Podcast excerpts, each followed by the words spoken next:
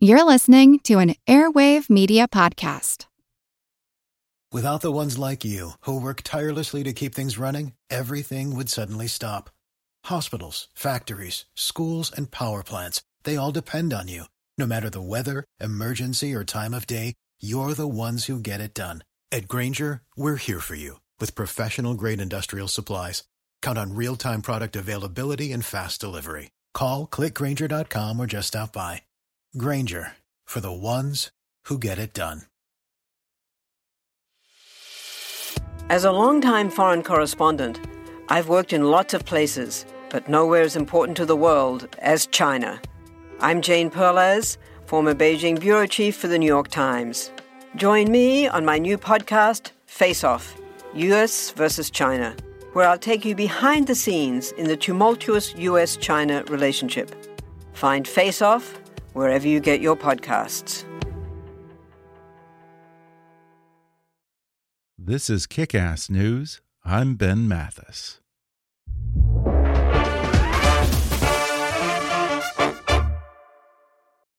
Today's episode is brought to you by Kronos. Kronos provides HR solutions for the modern workforce and the people who support, motivate, and engage them. They put HR, payroll, talent, and timekeeping on a single cloud based platform. Learn more about Kronos HR, payroll, talent, and time at kronos.com slash HR swagger.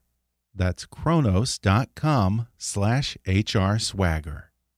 And now, on with the show. Hi, I'm Ben Mathis. Welcome to Kick Ass News. When suspense author Dean Koontz first began writing professionally, his literary agent told him he'd never be a best selling author. Then, when his novel hit number one on the New York Times bestseller list, his agent told him he'd never again have a number one bestseller. Not one to be underestimated, Dean Koontz has now had 14 number one bestsellers, so he was a little skeptical when many in the traditional publishing community tried to discourage him from signing a five book deal with online retail giant Amazon. But as he explains today, he's grown surprisingly more risk tolerant in his recent years, and he believes that Amazon's innovative way of marketing and promoting books is the wave of the future in publishing. He discusses his first offering through Amazon, a collection of six short stories titled Nameless, why creating an anti hero with no memory and no identity appealed to him, and what Nameless has to say about the blessing and the curse of technology in our lives. Then Dean reveals the meticulous research that goes into his writing, how much of himself he puts into his books, why he always writes with the blinds closed, and how his love of dogs always seems to make it into his work. Coming up with the master of suspense, best-selling author Dean Koontz in just a moment.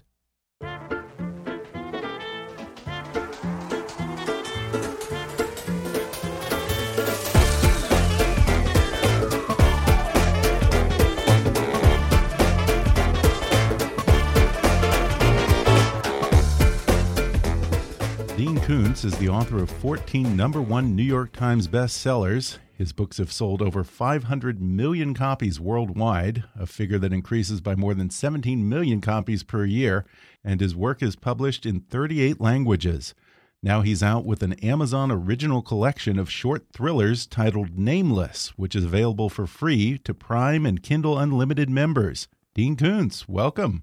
Thanks for having me here half a billion books. That's pretty amazing, I have to say. How many years have you been writing now? Oh, wow. I guess I uh, full time since uh, 69 mm-hmm. and uh, part time before that. I started selling when I was a senior in college. Wow. And uh, when after I, and I married in 66. And after a couple of years uh, teaching school, I didn't want to be doing that anymore.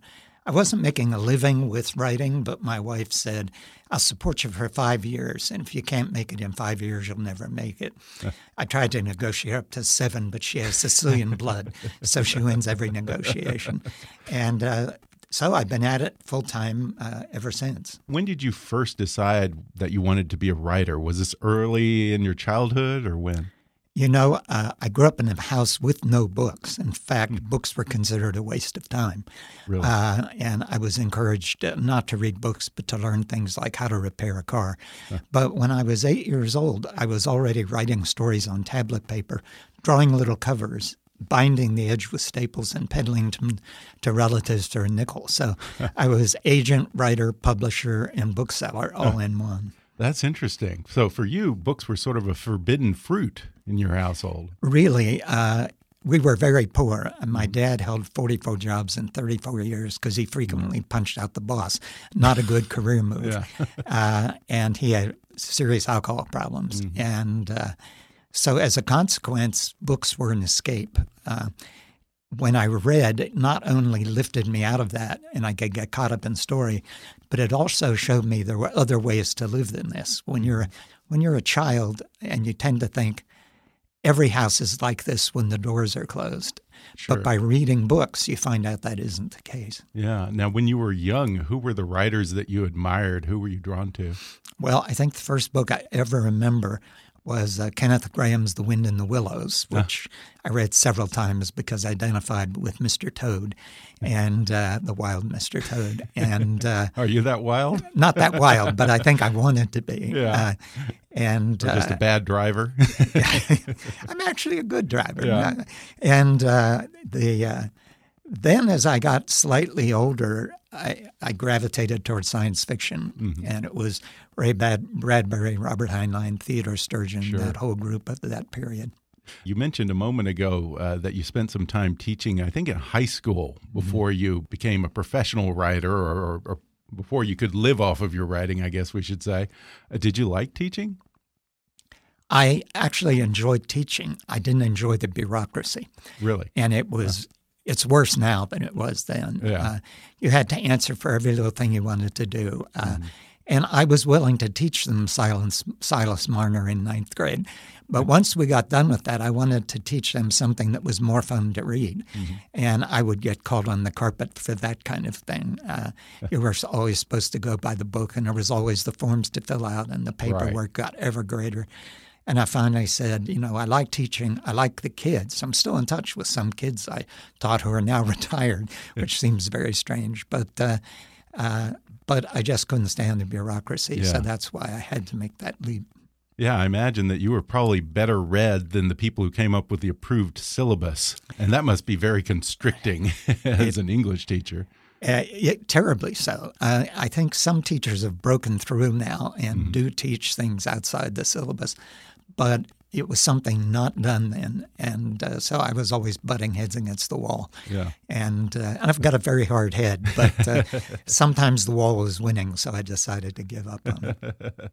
Yeah, and I read that at a certain point when you were first starting out as a writer, uh, I guess you had had an agent who told you you would never be a best-selling writer. Did you get a lot of rejection in those early days? Oh my! Uh, uh, that happened even after the rejections had Oh, stopped. really? Uh, I had gotten. He was my second agent. The first agent was a crook. We will not use his name, and I had to get out of there. And my second agent was not a crook. He was a wonderful guy, and we got along great. But I and I was selling midlist books. Um, and I started sending him outlines for things that I wanted to pitch to publishers. And he kept rejecting them. And I finally said, Why are you rejecting these? He said, It's when he said, Because these are too ambitious. You'll always be a, a successful midlist writer, but you'll never be a bestseller. And I was like 26 years old. I said, Wow. I can't be looking at the rest of my life exactly where I am now. And he said, I'm really going to hate to see you go because we're we've become friends, but I would be very sad on this day if I didn't know that a year from now you'll be back and say you were right. I should never have thought I could do this. Well, it took a lot more than a year to become a bestseller, but I never did go back. But he and I still occasionally correspond or Oh, really? talk on the phone. And No kidding. It's uh, he knows he made a mistake. Yeah, he made a multi-million dollar mistake. Um, now, I know that also earlier in your career, uh, I think it was either your agents or your editors discouraged you from branching out of horror and suspense to other genres, things like sci fi. I think that you said that they warned of quote unquote negative crossover. And supposedly that's part of the reason that you've written under various pen names at times in your career. Do you think that readers today are a lot more forgiving of genre crossing? I, I think they are, but I think they always were. Mm -hmm. uh, mm-hmm. you were prevented from doing it out of the common wisdom of publishing. and the thing about the term common wisdom is it's common, but it isn't wisdom. Mm -hmm. uh, it's the things they think are true, but they don't really understand why they think that. I some critics have said I created the cross genre novel, and certainly when I started doing it, I wasn't aware of it, and I took a lot of heat for it publishers like you to do the same thing again and again and again. Right. If you wrote one book about bricklayers, they want you to do a whole series about bricklayers. and uh, so I just couldn't do that. I have to entertain myself sitting there. And I've got a low boredom threshold. So uh, I started, now it's called mashups and other terms, but I mm. started doing those crossovers. And I took a lot of heat. Initially, they said, well, this is different. You must put it under a pen name. And I kept doing that and realized this was self defeating.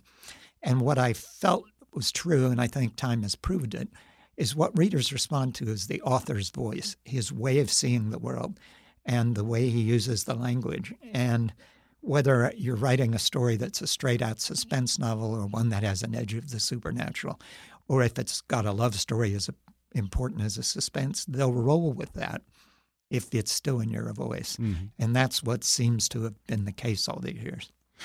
Now, you recently signed a five year book deal with Amazon, and this latest is Nameless, which is part of that deal. Or, or I guess the, the, the deal is for the novels, and this is sort of ancillary to that. And it's weird because I don't usually think of Amazon as a publisher.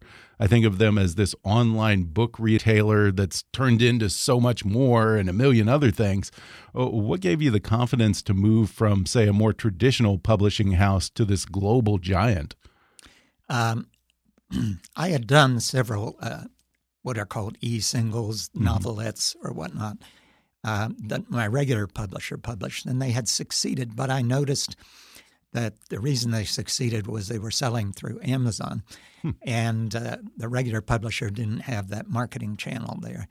And Amazon came to me and asked me to write one directly for them. That was a novelette called Ricochet Joe. It did very well. And then they said, Could you create a series with the same character and we sell them digitally and as audios? And I was intrigued because regular publishers don't want the shorter work. But there, right. there's a lot in that format that's fun to do that you can't do in a novel. And so I said, yes, I would do it. And I wrote these six uh, stories called Nameless. And uh, in the course of doing that, I found I was dealing with a lot of fun to deal with, efficient people who were very creative. And I was having no trouble with my former publisher, except times change, and sometimes there's a desire not to change with them.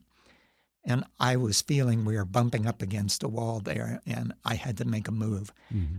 So my agent took me to market. Sounds like I'm a pig about to go be slaughtered. yeah. He took me to market, and we got eight offers. And he insisted that we should go to Amazon because they do publish hardcovers, trade paperbacks, uh, audios, and all the rest. And they have for a long time been moving in on publishers' ground. And I said, well, I won't be sold in Barnes and Noble now, and there's certain things because they feel oh, interesting. Too, too competitive. They, huh. There's a sort of resentment against Amazon. He said, my suspicion is you're going to sell a lot more books than you currently sell through a mainstream publisher. And so we got eight offers, and one of them was Amazon's. Financially, it was very good. What was more interesting was everybody gave you a marketing plan nobody compared with Amazon's. Oh, really? It was like this nameless stories, which I'd already written for them. The book contract came later. Oh, okay. Um, but now the what they are doing with Nameless, the series of stories, is probably three times more promotion and publicity hmm. than I've ever had for a novel. No kidding. And it was that that made me realize times are changing, and maybe yeah. this will be interesting. Now, when I did this, I thought I was going to get a lot of negative feedback from people I dealt with in publishing over the years, former editors, uh, uh, former publishers, uh, friends who are hmm. booksellers. Why? Have, because of because they're short stories, or because it's only available digitally? Or, well, the stories are only digital, available digitally. The novels right. will right, be right, available in novels, but because it was Amazon, and some booksellers mm -hmm. like mm-hmm. Barnes and Noble feel they're a competitor and don't want anything to sure. do with what Amazon publishes. But instead, every response I got was positive. And huh. one after another said, You have done the right thing. Things are changing, and our business isn't recognizing it, but Amazon does.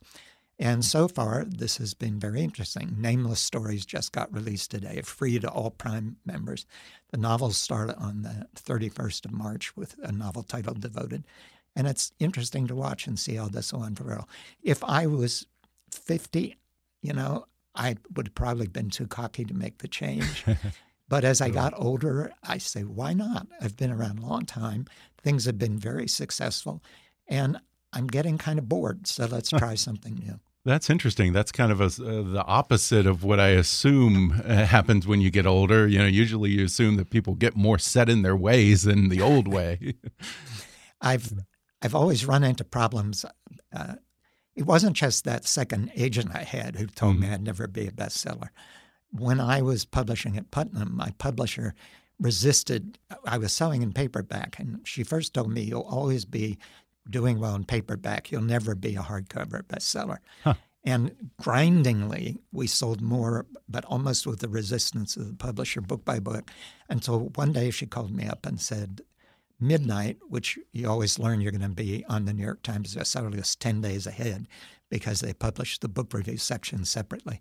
And she said, You're going to be number one on the New York Times with midnight. Before I could say whoopee, uh, she said, But I want you to understand something. This will never happen for you again because you don't write the kind of books that can be number one. Wow we had four more number ones, and every single time I was told, You'll never be number one again. And that was the first time I said, okay, I've got to make a change. Um, and that change eventually worked out very well. Yeah. But, uh, but there's always been this resistance that I've always found hard to understand. I've been told you can't be number one because your vocabulary is too big. There is this attitude in really? New York that has a very down the nose look at readers out past the Hudson River, I think. Mm-hmm. And uh, I get most of my intelligent mail from the heartland and anywhere, uh, small towns, big towns, whatever. So I don't think you know, that attitude doesn't serve publishing well. Yeah, and you know, in some ways, it's kind of Amazon getting back to its roots now because uh, people probably forget these days that they started out as the online bookseller. Yes. So they're in some ways they're kind of giving back to them that brought them to the dance, as they say. uh, and I'm interested in what you were talking about the marketing of it because I noticed that they use terms like bingeability and describe these short stories as quick hits. It, it almost sounds like they're thinking of this more in the way that one rolls out and digests a podcast or a streaming TV series. One of the great things about I, I call they call them sh shorter pieces. I call mm -hmm. them novelettes. They're anywhere from ten to fifteen thousand words long, and uh, the six of them together are almost novel length. And uh, I I saw it as the challenge of giving you the experience of a novel with a lot of excitement, color, strong character, all within a condensed format that would be like binge watching TV. Mm-hmm. Once you read the first, you want to read all the rest of them. Bang, bang, bang. And uh, they Amazon started referring to it as season one. If this goes well, we might have a season two of Nameless. And I've started thinking that way myself. So I, if if it works, I know where Nameless will go next. But yeah, and I mean, really, if it weren't for companies like Amazon and new technology embracing short fiction, it might not exist anymore. I mean, I can't think of any magazines that still print short stories anymore, and certainly not any mainstream magazines like, I don't know, Collier's and Saturday Evening Post from the old days. This really fills that niche, these uh, Amazon mm-hmm. original stories. And there used to be great stuff published in that. Some of my favorite stories are, are that kind yeah. of thing. Um, and not just uh, little crime stories and things, but the turn of the screw or all the Sherlock Holmes sure. or many, many other things were done at that kind of length. Um, and it, it's just appealing to me. Now I love the novel length, and I'm going. I've already delivered two complete novels to Amazon Publishing, uh, so I'll keep doing that. But these were a great deal of fun. I'm curious, do you approach a novel differently than you approach, say, a series of short stories? I think there are six in this one. How, uh, my assumption would be that it would be easier to write a series of short stories than a novel, but I don't really know that to be true. Well, it's easier and it's harder. Yeah. Uh, the easier part is you sit down for a novel and maybe six months, you never know. Uh, if it's a very long novel, Mm-hmm. quarter of a million words, you'll be a year on it. I have 60, 70 hour weeks. If it's shorter, it'll be six months. Um, with a story like this, sometimes two weeks, sometimes four weeks. Uh, but that's a short near horizon and you sit down every day knowing you're getting nearer the end than you'll ever be at this point in a novel Yeah. and that's very happy making but uh, the hard part of it is when you're writing the same character and you've created this world that he's living in uh, nameless and he's doing these amazing things he's bringing i wouldn't call it justice but he's bringing bringing the truth to bad people who've done very bad things and he makes them suffer for the truth of what they've done um, you could get stale with that. It could be just a little too one trick pony and you could go. So it demands that you get very creative in what each of these episodes essentially is about. And then that there has to be some thread of meaning that he's moving to and some revelation toward the end of, let's say, season one. so it makes you think in a more compact, interesting way. So that becomes harder the more you write of them. You get to story four and you think, uh oh, this has got to be a lot different than stories one, two, and three. Yeah. And, uh, and so that's where the harder part comes in. And you mentioned this main character, Nameless. Uh, he's called Nameless because he literally has no name. He has amnesia and doesn't remember who he is. Uh, what was the appeal for you as a writer of writing a main character that has no identity and no past? Uh, that's certainly there's been characters in suspense fiction and mainstream fiction that have amnesia, and I thought it's a that's a kind of tired concept. How do you do it differently? I knew I wanted it to be somebody who was sort of on the road, who was moving from one event to the other, and had been doing this for two years and had full recollection of what he had done in two years, but no idea of who he was, where he had come from, or why he was doing this. And then it suddenly dawned on me uh, before I started story one that how to handle it differently was that the amnesia would not be an accident. Know, it would not be a, a growth out of any illness.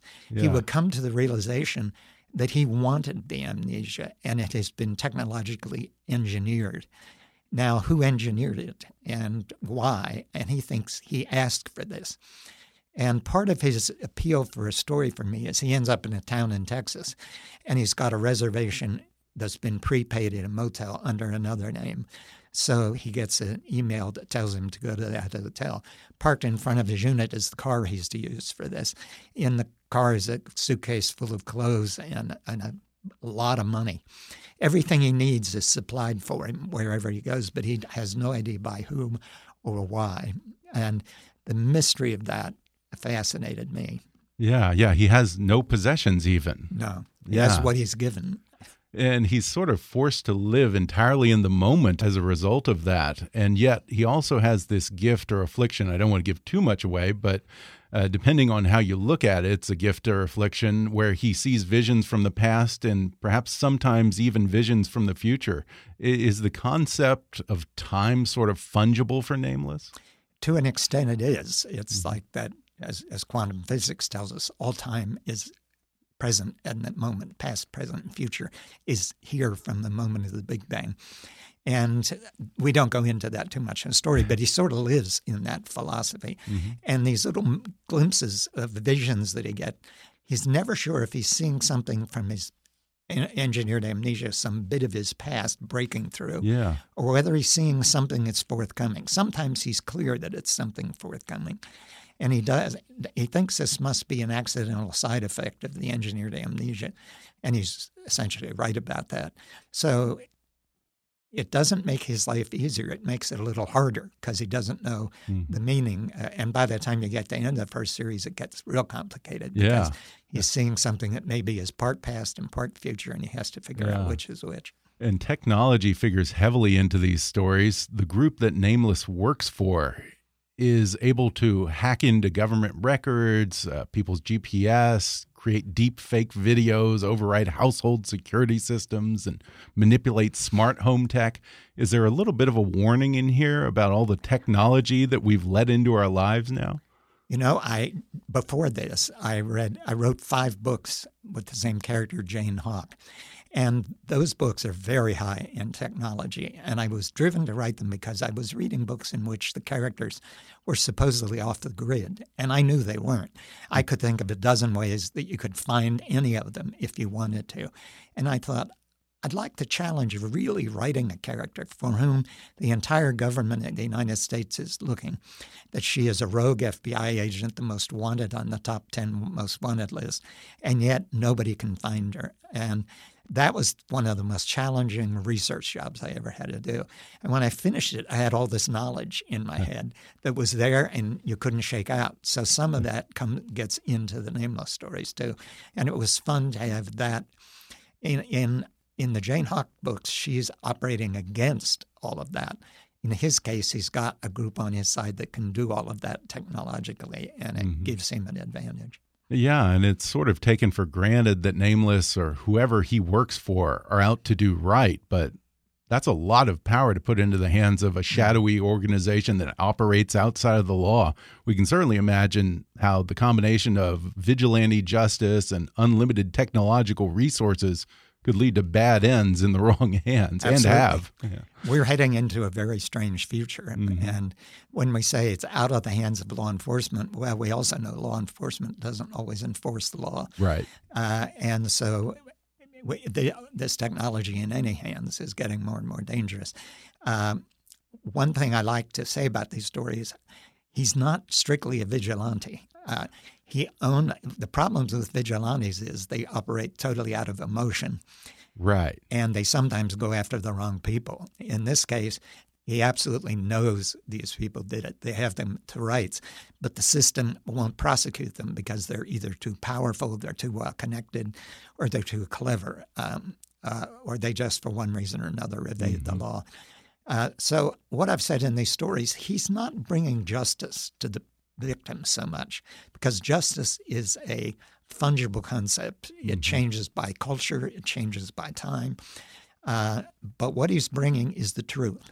Uh, he he and the, all these researchers behind him know the truth of this situation, and he brings the truth of it, reveals it in a way that forces the bad guys sometimes to actually to do themselves in in one way or another.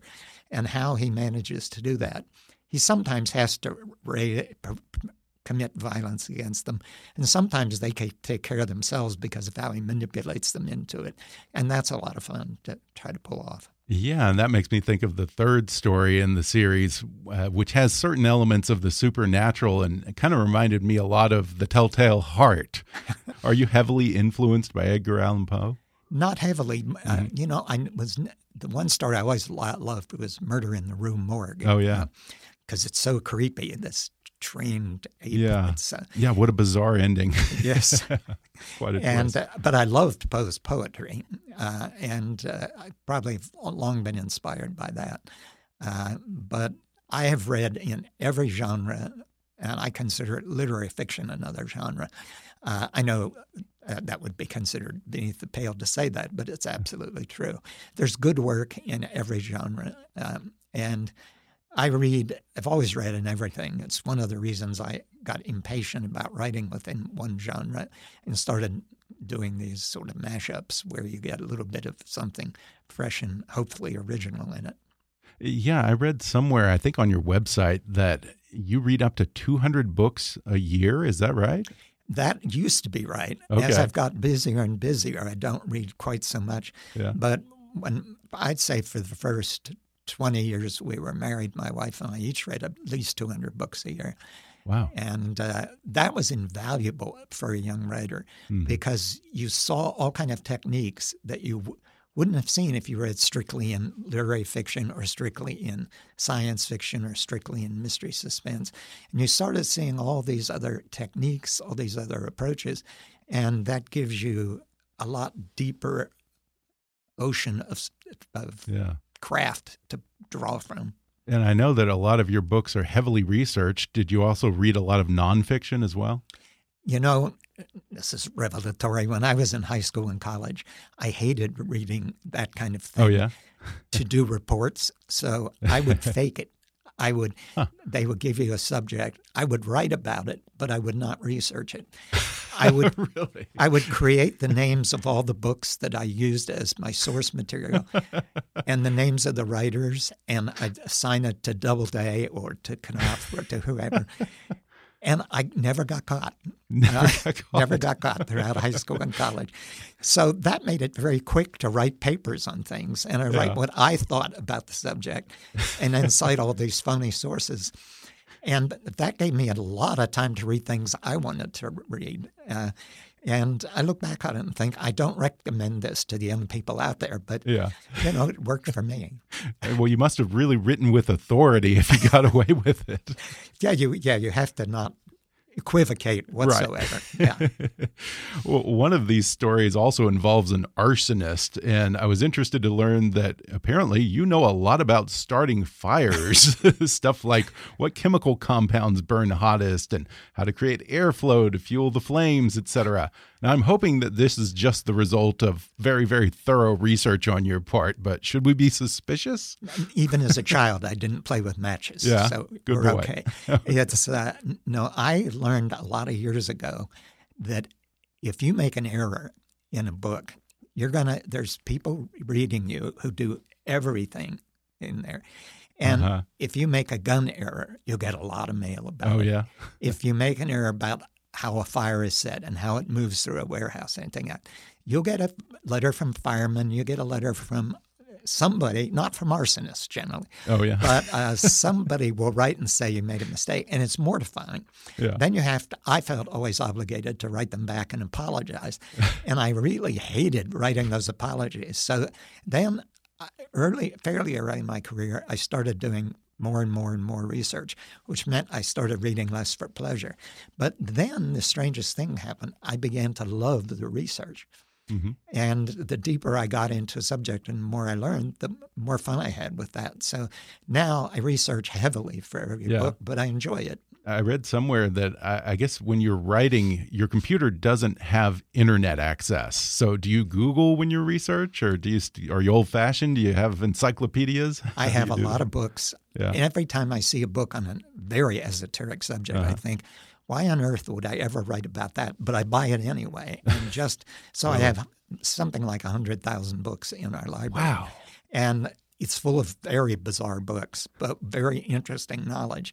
But I go online, just not in my office. Uh, I, I, recognize I'm an obsessive personality. so if I go online, I'm going to waste endless hours every day. Mm-hmm. So I, the only time I go online is I have used to have two assistants. Uh, one was my brother-in-law who passed, but and he was very good. And I, their office, they had online. They're online, both of them. And so I would go down there and say, "Look, I need to you to go to Google Street, find this, this, this, and that. I'll be back in an hour." And then he would find it. We go through that. Or if there were some things I couldn't get by books, I tell him what I wanted. He he'd develop the search string. He'd go look for it, print it out. Then I've got it. So I had backup essentially. Yeah. Now, what do you do with a hundred thousand books? Do you do you put some in storage, or are they all in your home? Uh, it, there's rooms everywhere with books yeah. in them. So, uh, and uh, and I'm starting to cull them as I, oh, yeah. I get older. But uh, but as I said, it's odd the things you bought that you think, oh, I'll never use this, and then the day comes when a character starts to speak about something, you go, oh no, and then you go and find out I have this book about a guy who collected bottle caps or whatever it is, and uh, and it becomes an invaluable piece to help you get through this book. But, yeah. Now you mentioned that you do sixty-hour weeks when you're writing a novel. Uh, that's pretty incredible. That's a lot of time spent by yourself in the office. What what is a typical day of writing like for you? I get up at uh, usually five. Uh, shower um, and uh, uh, walk the dog, uh, feed her, feed Mm-hmm. myself, and I'm at work by six thirty, and I work straight through till dinner, uh, and that's six days a week, sometimes seven. Uh, and but when it gets toward the last third of a book, that can get much worse. yeah. it, it can start at I can be getting up at four instead of five. Go to work for two hours, come back and walk the dog, go back to my office and not have dinner till seven. So I'll be Huh. putting in 12 hour days. Um, and Interesting. I do it because you get into the story in such a deep way. Hmm. You lose yourself in it. Uh, I have an ocean view from my office. I never see it because the blinds are always down. oh, you kidding? I close the windows. They, and I raise the blinds about once a month so the windows can be clean. Um, and when I'm in that cocoon, the world of the story becomes much more vivid. And the hour by hour, now, if it's a bad day and it's coming at a snail's pace, you want to get up and beat your head in the wall. But, Mhm. uh, but ma- mainly if you stay with it, uh, you might have a few bad hours in a day. And then you break through at some point and it starts to move and it starts to come more smoothly. And so I just find the long hours is the way that works for me. Yeah, and I know that you've been married to the same woman from a very young age. Uh, does it take a special kind of partner to be pretty understanding about those kind of hours and that kind of obsessiveness? I, th- I think absolutely Yeah. it does. Uh, our offices are side by side Oh, yeah. off a little foyer, so we come in and out of each other's office very easily. Um, she works almost as much as I do. Her background is in accounting, and uh, Okay. And I'm terrible with the numbers. I haven't had to write a check or balance a checkbook since I've been married, and that's heaven to me. so she takes care of all that sort of thing. And there was 14 years I was without an agent because I got frustrated with agents. And she set up new agents all over for foreign languages and handled all that submission. That is a lot of work. wow.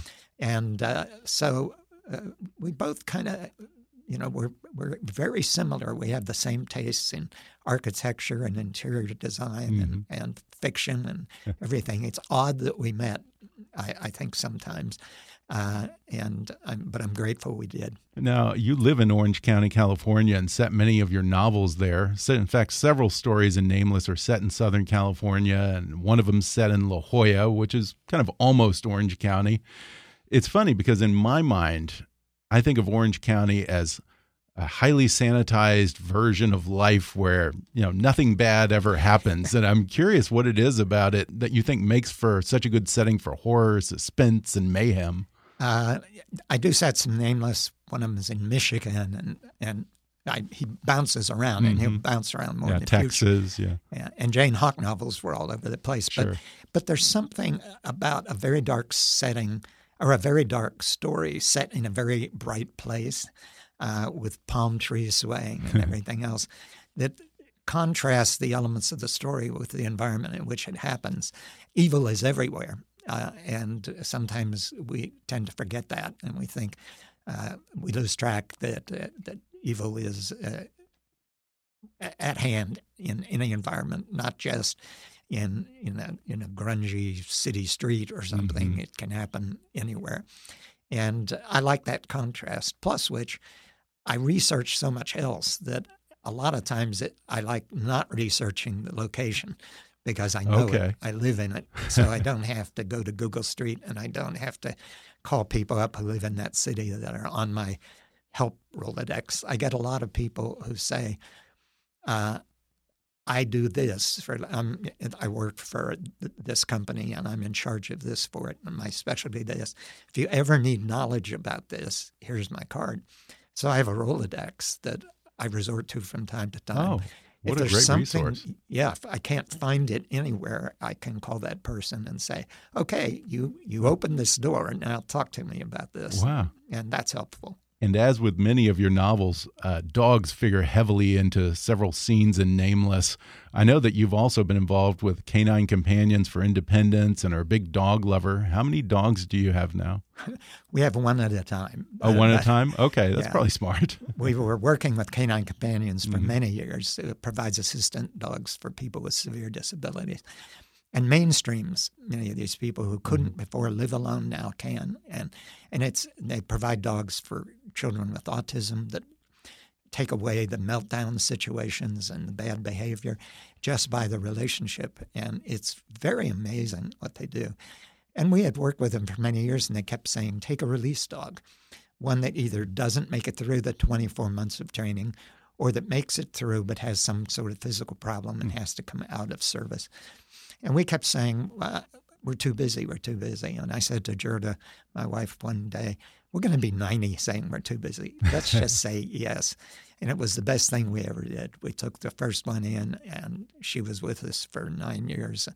That was Trixie, then Anna, and now Elsa's been with us for three and a half years. And every single golden retriever is the dearest, sweetest mm-hmm. creature, loving, but every single one of them has their own personality, just yeah. like human beings. Yeah. And it's fun to get to know them. Yeah, my wife and I have a golden retriever named Duncan, and uh, they're just the sweetest dogs. They don't seem to have a mean bone in their body, no. unless another dog walks by.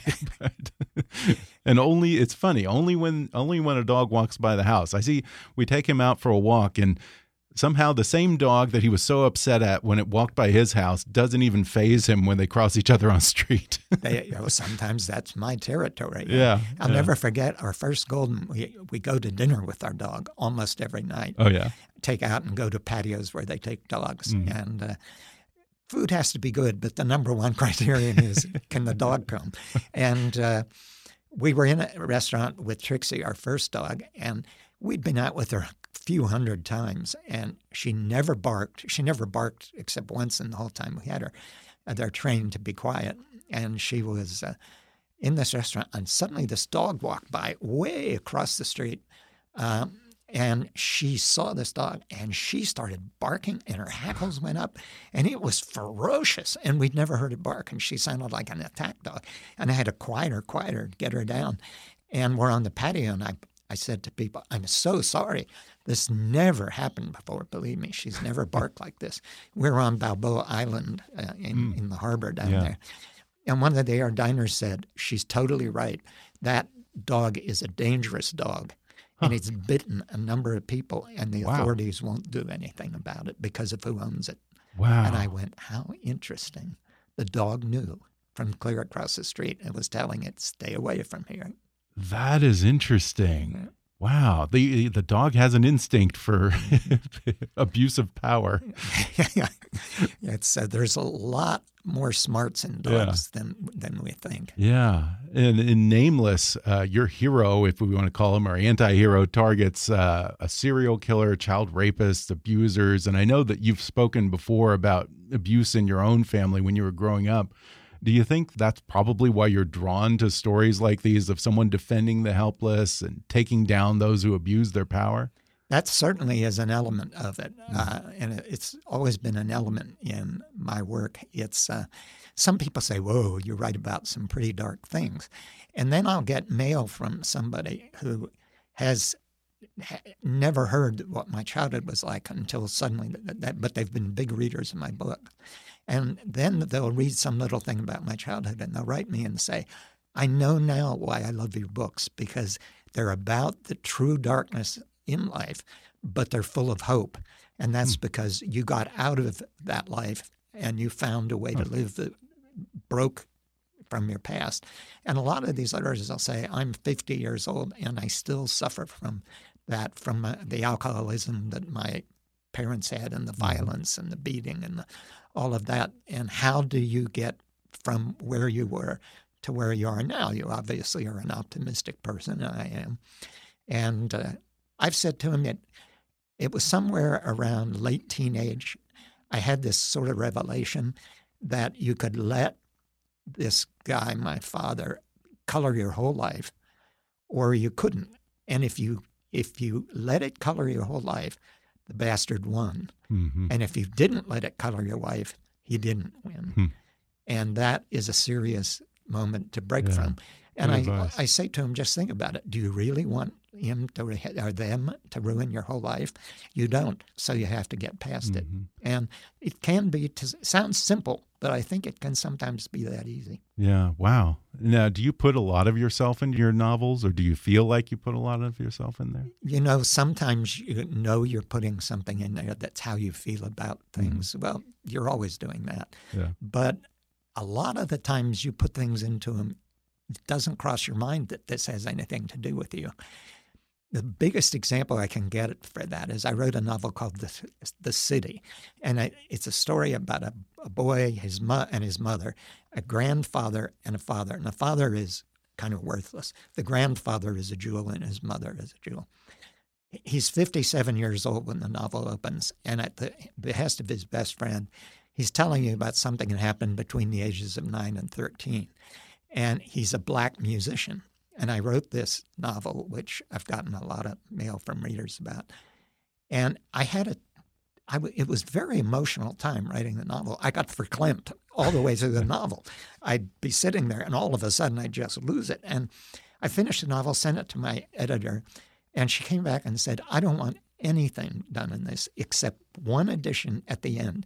There's a big dramatic sequence. I want the mother to come back from her. She's a lounge singer. I want her to come back and be in that scene. And I said, but she can't be. She has no excuse to be there. Anything I did to bring her there would be false. But I knew what the editor wanted. She wanted the emotional thing of the mother being in that moment where the son could have lost everything Mhm. at the age of 11 or 13 or whatever he is in that scene. He's already lost a lot. He's in a wheelchair. And, um, but I realized what she wanted was that moment, the mother to be there as close to when that happened as possible. So I said, well, the police are called into this scene and they would call the mother and she could show up almost at the moment everything finally resolves. And I said, I can write that. And my wife said, don't write it. It's, it's right the way it is. I wrote a page and a half and we were eating at home that night. and She was cooking. I hadn't sent it to the editor yet. And I said, I want to read this mother entering to you. I couldn't read it. I'd break down every time I tried to read it. Wow. And I'm not a guy who cries all the time, but I, I started to, I had to leave the room three or four times. I finally came back and finished reading it. I said, I don't know why this book has been such an emotional, it's just been a terrible emotional experience for me. She looked at me and said, It's because it's about you and your mother. Huh. And I looked at her with an absolute stunned, and it was. And I had never been able to write about that relationship until I made it a character who wasn't a writer but a musician, who wasn't white but black. I Oh. gave him the same family, the same mother, but I separated him into another culture. Then I researched it, the music and everything. And his grandfather had been a big band pianist, and and uh, uh, then I was able to write about me and my mother. And I hadn't recognized it all the way through the book. Wow, that's amazing. now, before we go, can you tell us a little bit about your next novel, which uh, I think is the first in this Amazon deal called Devoted, right? Yeah. Devoted comes out March 31st. It's hardcover, uh, eventually trade paperback, ebook, of course, and audio. And it's about a woman who's widowed and her 11 year old autistic son who has never spoken a word in his 11 years. And the villain in it is a man who is the CEO of a multi billion dollar company who's doing research into longevity, and they're researching it in a strange and interesting way. And something goes so wrong in the labs that he personally pushes his button to destruct them and kills everybody in the lab, but he gets out. And whatever he tried to destroy in the lab, he's contaminated with, and something is happening to him. And he's on his way to this widow and her child. The child, meanwhile, this is all in the very opening, so I'm giving nothing away. Okay. The child knows that it believes that his father did not die in an accident but was murdered, and he's a savant, uh, autistic savant, and has been researching this on the web and has gotten into the dark web, where there's murder for hire types, and they have known that he's looking for them. So the mother and the son are suddenly at this locus where all this evil is coming at them, and the, as it as it falls upon the boy, Uh, he's he's in a state of terror that he's never been before. And we've also met these dogs who are smarter than dogs. of course. They're very smart dogs, and they don't understand where they came from or what they are, but they know they're out there and they correspond with each other telepathically. Just like flocks of birds change Mm-hmm. directions mm-hmm. because they have the telepathy element, or elephants come from great distance when one of them dies because mm-hmm. they know. Uh, these dogs have that, but much stronger. And they call it the wire. They can speak to each other on the wire. And they call themselves the Mysterium because they don't know why they're out there or how many of them there are. And one day, this dog hears a voice on the wire, and it's this boy. And he's never heard the thoughts of a human being before. Oh, wow. And it's not that out there novel. It's pretty much realistic in the way it's handled. And what happens then? All this is in the setup. So that's what the novel's about. Exciting stuff. Something to look forward to. It's called Devoted, by the way, because oh, the Devoted, yeah. The dog and the boy and the mother, they're all devoted to one Okay. another. Well, in the meantime, Nameless is available for free to Prime and Kindle Unlimited members. Dean Koontz, thanks for talking with me. Thanks. It was easy. You're easy to talk to. Thank you.